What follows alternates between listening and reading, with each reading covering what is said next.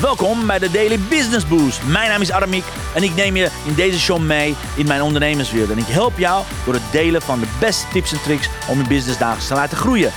Vandaag is jouw tijd, dus let's get louder.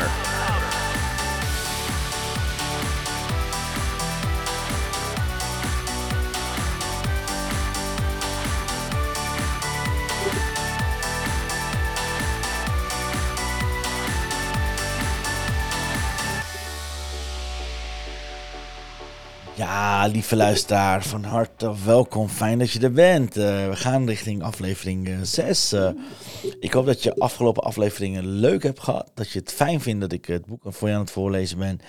En ik wil je van harte welkom heten bij de, bij de volgende aflevering. En dank je voor je lieve berichten vanwege het afbreken van de uh, uitzending gisteren. Ja, ik was echt kapot en ik kon echt niet meer. Ik ben ook meteen uh, naar bed gaan toen ik thuis kwam. Dus dank, dank voor alle mooie wensen.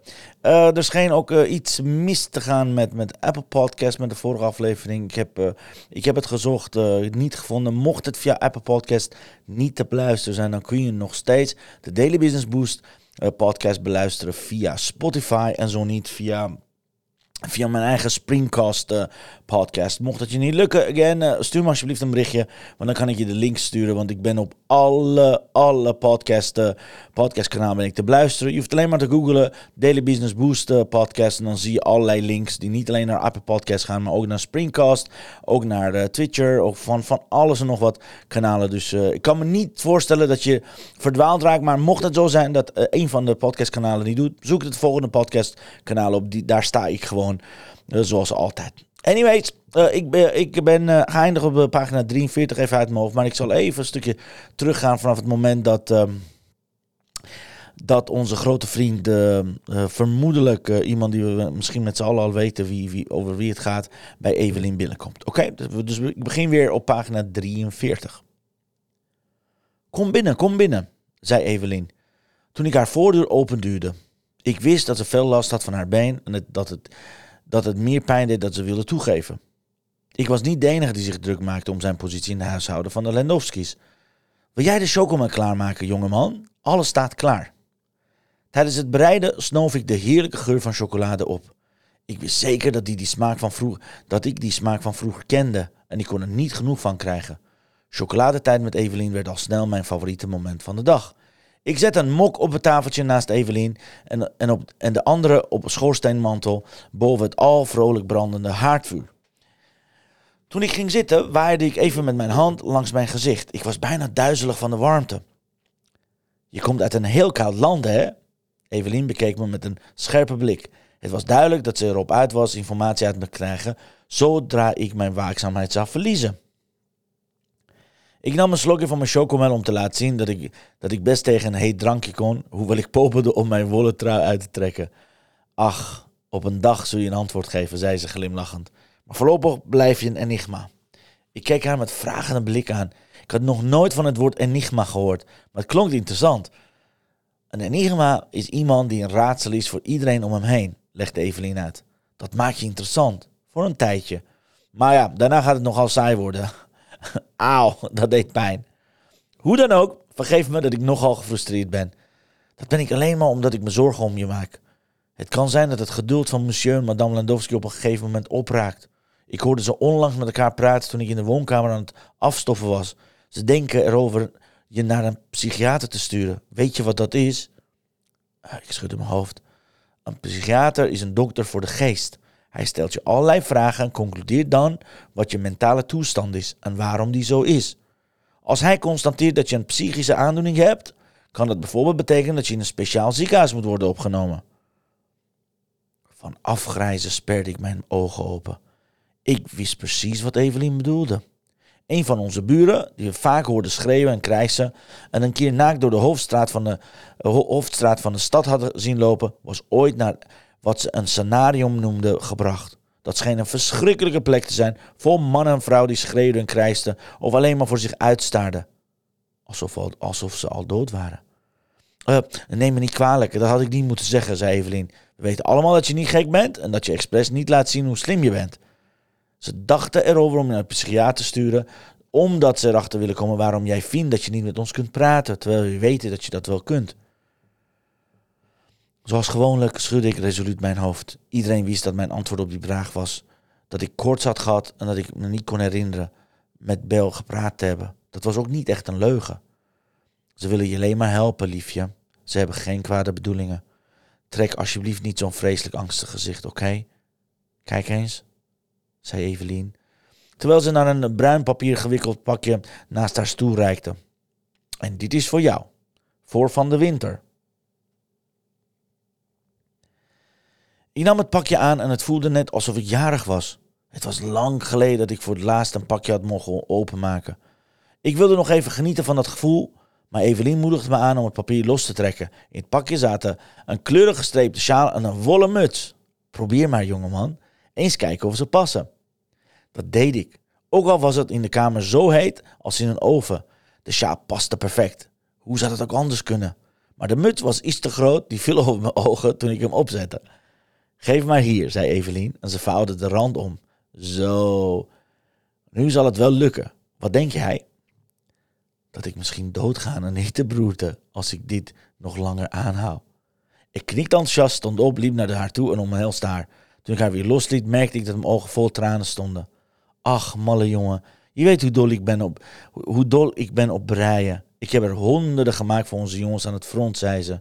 Toen ik me omdraaide om terug te gaan naar mijn stoel, lagen de woorden dank u wel op het puntje van mijn tong. Maar ik hield mijn mond stijf dicht. Ik deed de sjaal en de muts af, vouwde ze op en stopte ze zorgvuldig in het bruine papier. Zo, nu is het voor ons allebei bedtijd, zei Evelien, met een blik op de klok op de schoorsteenmantel. Maar ik moet je eerst nog vertellen dat ik vandaag geweldig nieuws heb gekregen. Ze wees naar de brief die achter de klok stond. Die is van mijn zoon Louis. Hij komt me op mijn vrijdag opzoeken. Wat zeg je me daarvan? Diep in mijn hart besefte ik dat ik een beetje jaloers was op die geweldige Louis, die geen kwaad kon doen in de ogen van zijn moeder. Maar ik knikte enthousiast. Misschien kreeg ik wel een hekel aan deze jongen. Ik zou het fijn vinden als je langskomt om hem te ontmoeten. Hij neemt me mee uit lunch in het dorp. We zijn om half vier terug. Waarom kom je om vier uur niet even langs om hem gedag te zeggen? Ik knikte en deed mijn best om niet even mokkig te kijken als ik hem voelde. Ik zwaaide met een brede glimlach naar Evelien, klopte op het pakje en vertrok. Toen ik me die avond opkrulde in bed, was ik behoorlijk van streek door de aanstaande komst van deze concurrent om Eveliens genegenheid, om Eveliens gelegenheid. En door wat ze had gezegd door de psychiater, die Lendowski's misschien met me, die de Lendowski's misschien met mij wilde opzoeken. Ik sliep die nacht slecht. Die zondagmiddag waste ik mijn gezicht bij de kom water die een van de dienstmeisjes me elke dag kwam brengen. We hadden op de zolderetage geen sanitaire voorziening. Nog iets waarover Elsa en Antoinette klaagden. Want nu moesten ze s'nachts naar beneden om naar de wc te gaan. Ik borstelde mijn haar en besloot geen wollen trui aan te trekken, want de kans was groot dat Evelien het vuur extra zou opstoken als haar, zoon er was. Ik ging de keukendeur uit en nam de gebruikelijke route naar haar voordeur. Ineens bleef ik stokstijf staan. Ik deed mijn ogen dicht en spitste mijn oren. Mijn lippen krulden omhoog met een glimlach, met een glimlach alsof ze niet anders konden. Ik ken die muziek. Diegene die speelde was niet zo'n meester als mijn vader was geweest, maar had zo te horen wel jarenlang geoefend. Toen de muziek stopte, vermande ik mezelf, zette de ene voet naar de andere, liep naar Evelien's voordeur, klopte aan. De deur werd onmiddellijk opengedaan door een lange, magere man van wie ik wist dat hij 19 was. Hallo, zei hij met een glimlach. Jij moet de weesjongen zijn die sinds mijn vorige bezoek bij de familie is gekomen. Hij loodste me mee naar binnen en daar schoot mijn blik alle kanten op, op zoek naar de muziekinstrument waarop hij net had gespeeld. Maar de viool lag op de stoel waarop ik altijd zat en ik kon niets anders dan ernaar staren. Hallo, zei Evelien, dit is Louis, mijn zoon. Ik knikte, maar kon mijn ogen niet afhouden van het simpele stuk hout dat zo magisch van een boom was veranderd in een instrument dat de schitterendste muziek op Gods aarde kon voortbrengen. Dat vond ik tenminste. Je hebt mijn zoon horen spelen, hè? Het was Evelien niet ontgaan dat ik naar de viool stond te staren.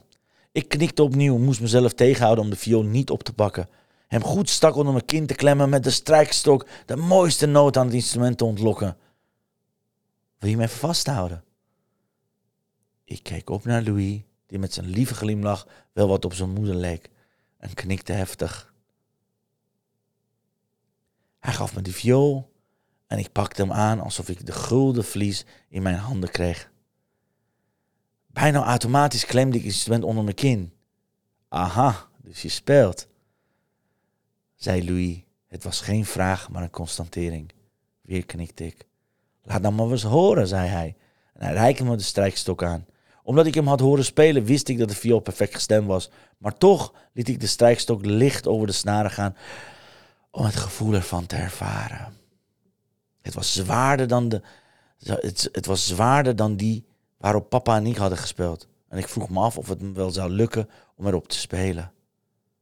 Het was zo lang geleden dat ik voor het laatst een viool in handen had gehad. Ik deed mijn ogen dicht en streelde de snaren. Iets wat papa me had geleerd. Toen ik begon wist ik nog niet wat ik zou spelen. Maar de prachtige noten van de Allemande uit Bachs viool partitia stroomden als vanzelf uit de viool. Ik was verbaasd het stuk af, dat het stuk afgelopen was en de stilte terugkeerde, die het moment, die het volgende moment overging in applaus.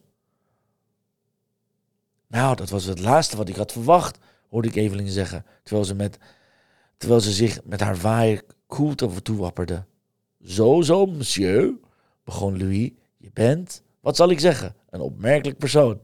Dit was in ieder geval heel opmerkelijk voor een jongen van jouw leeftijd. Vertel eens, waar heb je leren spelen? Ik voelde er niets voor om viool neer te leggen om een papiertje te kunnen pakken. Dus haalde ik mijn schouder op, hoopte ik dat hij zou vragen of ik wilde spelen. Dat heb ik je toch verteld, Louis, hij praat niet.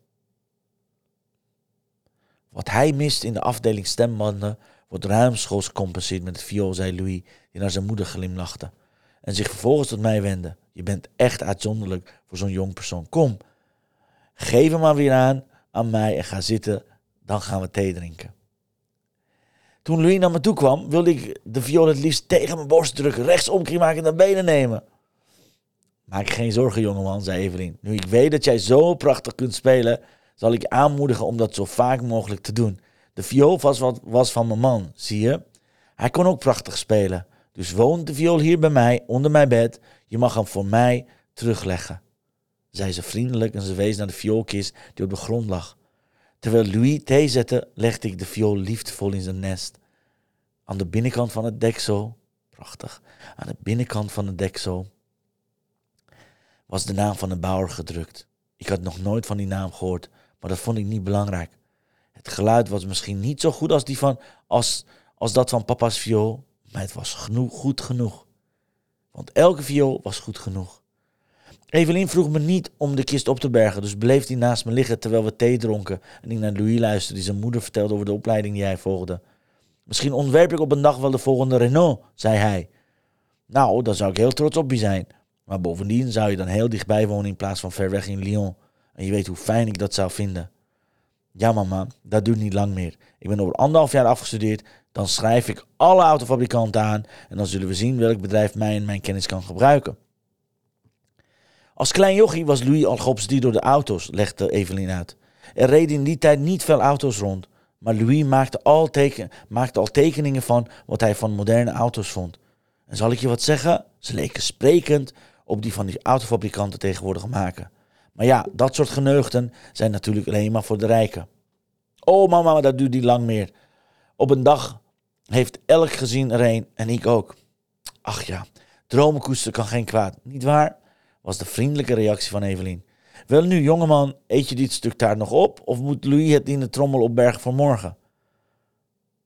Ik besloot dat ik nog wel wat ruimte had en nam het laatste stuk van de schaal. En waar loop jij warm voor? vroeg Louis. Ik haalde mijn papier tevoorschijn en schreef drie woorden. Eten, viool, boeken. Ik schreef het tussen haakjes, lees achter. Aha, Louis las wat ik had geschreven en grijnsde namen. De eerste twee heb ik vandaag in actie gezien. Heb je ooit wel gepraat? Het moest niet lijken alsof ik daarover moest nadenken, dus besloot ik de waarheid te vertellen. Ik knikte. Mag ik vragen hoe het komt dat je spraak bent verloren? Ik haalde mijn schouders op en schudde mijn hoofd. Het is niet aan ons om het te vragen, kwam Evelien tussenbij. Dat vertelt hij ons als hij voor klaar is, toch? Yes, ik knikte en liet verdrietig mijn hoofd hangen. Ik kon mijn stem dan wel niet gebruiken, maar mijn actiefvaardigheden groeiden met de dag. Stook het vuur er nog eens op, wil je, Louis? De dagen worden steeds korter. Evelien huiverde plotseling. Ik hou niet van de winter. Jij, jongeman? Heftig schudde ik mijn hoofd. Maar kerstmis brengt in ieder geval licht in onze huizen en harten. En dat is iets om naar, naar uit te kijken. Hou je van kerst? Ik staarde, ik staarde haar aan en moest. Uh, even kijken. Ik. Uh,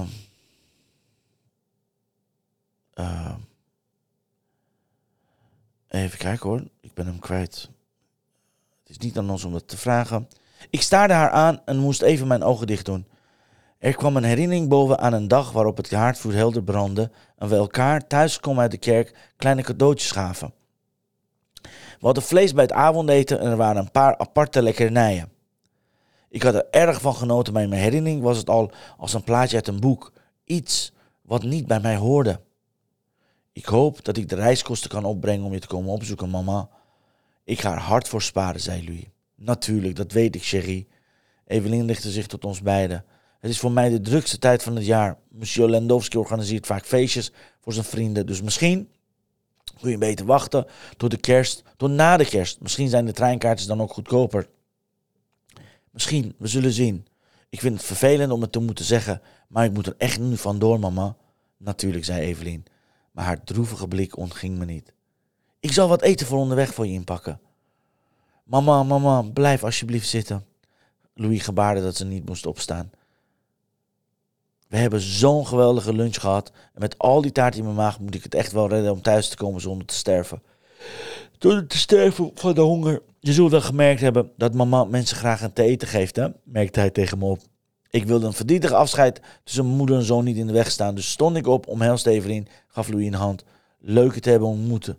En fijn dat je mama gezelschap houdt. Ze heeft iemand nodig om over, over te moederen. Hè, mama? Louis glimlachte naar zijn moeder. Evelien grinnikte. Je kent me maar al te goed. Tot ziens, jongeman. En we zien elkaar morgen. En misschien kunnen we bij mijn volgende bezoek bij een naam noemen, zei Louis terwijl ik naar de deur liep. Op weg naar het huis liep ik na te denken over die opmerking van Louis. Ik had daar, daar al heel vaak over nagedacht sinds ik was gestopt met praten. Ik zou in elk geval nooit meer aan wie dan ook mijn echte naam vertellen. Dus ik kon elke naam uitzoeken die ik maar wilde. Niet dat die beter was dan mijn echte naam, maar het was interessant om een nieuwe naam voor mezelf te kunnen bedenken. Het punt was alleen dat je als je eenmaal een naam had, die naam voortaan bij jou hoorde. Ook al was het de ergste naam van de wereld. En vaak was je naam het eerste wat mensen van je wisten. Dus wilde je die naam weer kwijtraken, dan was het veel moeilijker dan het leek. Ik had in de afgelopen week al heel wat namen voor me uitgefluisterd. Want het beviel me niet dat mensen niet wisten hoe ze me moesten aanspreken. Ze zouden het prettig vinden als ik een naam had. En die moest ook makkelijk op te schrijven zijn. Maar de juiste naam wilde maar niet bovenkomen, hoe hard ik ook mijn best deed. Ik sneed een flink stuk stokbrood af, smeerde jam op. Op zondagavond verzorgde iedere familielid zijn eigen maaltijd, nam het mee naar boven en ging op het bed zitten. Waar ik het door mijn, zolderka waar ik het door mijn zolderkamertje donker zag worden. Nee, waar ik het door mijn zolderraampje donker zag worden. Daarna pakte ik mijn dagboek en sloot ik de alinea waaraan ik was begonnen met een paar regels af. Ik heb net voor het eerst in lange tijd viool gespeeld. Het was een geweldige ervaring om weer een strijkstok in mijn hand te voelen. En weer geluid aan het instrument te ontlokken. Mijn potlood bleef boven de bladzijde zweven toen ik me realiseerde dat ik de perfecte naam had gevonden.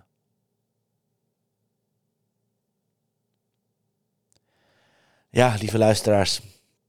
Het is inmiddels aangekomen bij pagina 64 en dus het begin van hoofdstuk 4. Dit was hoofdstuk 3. Ik hoop dat je genoten hebt, net als ik. Uh, en, en, en ja, nee, als de tranen zijn gaan biggelen, net als bij mij, nou, dan is dat zo. Ik word geraakt, heel, heel graag geraakt door, die, door dit verhaal weer. Dat weet ik nog, bij het eerste boek had ik precies hetzelfde gevoel. Nu weer. Dus nou ja, weet je.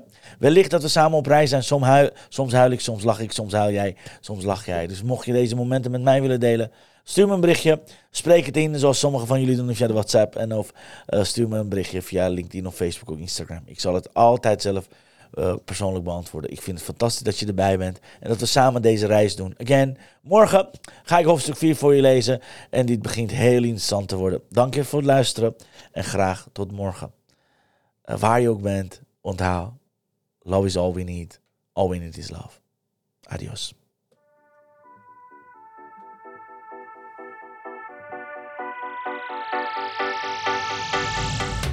Dankjewel voor het luisteren naar mijn live show. Geweldig. Wil je een keertje nou live bij mijn live show aanwezig zijn? Dat kan.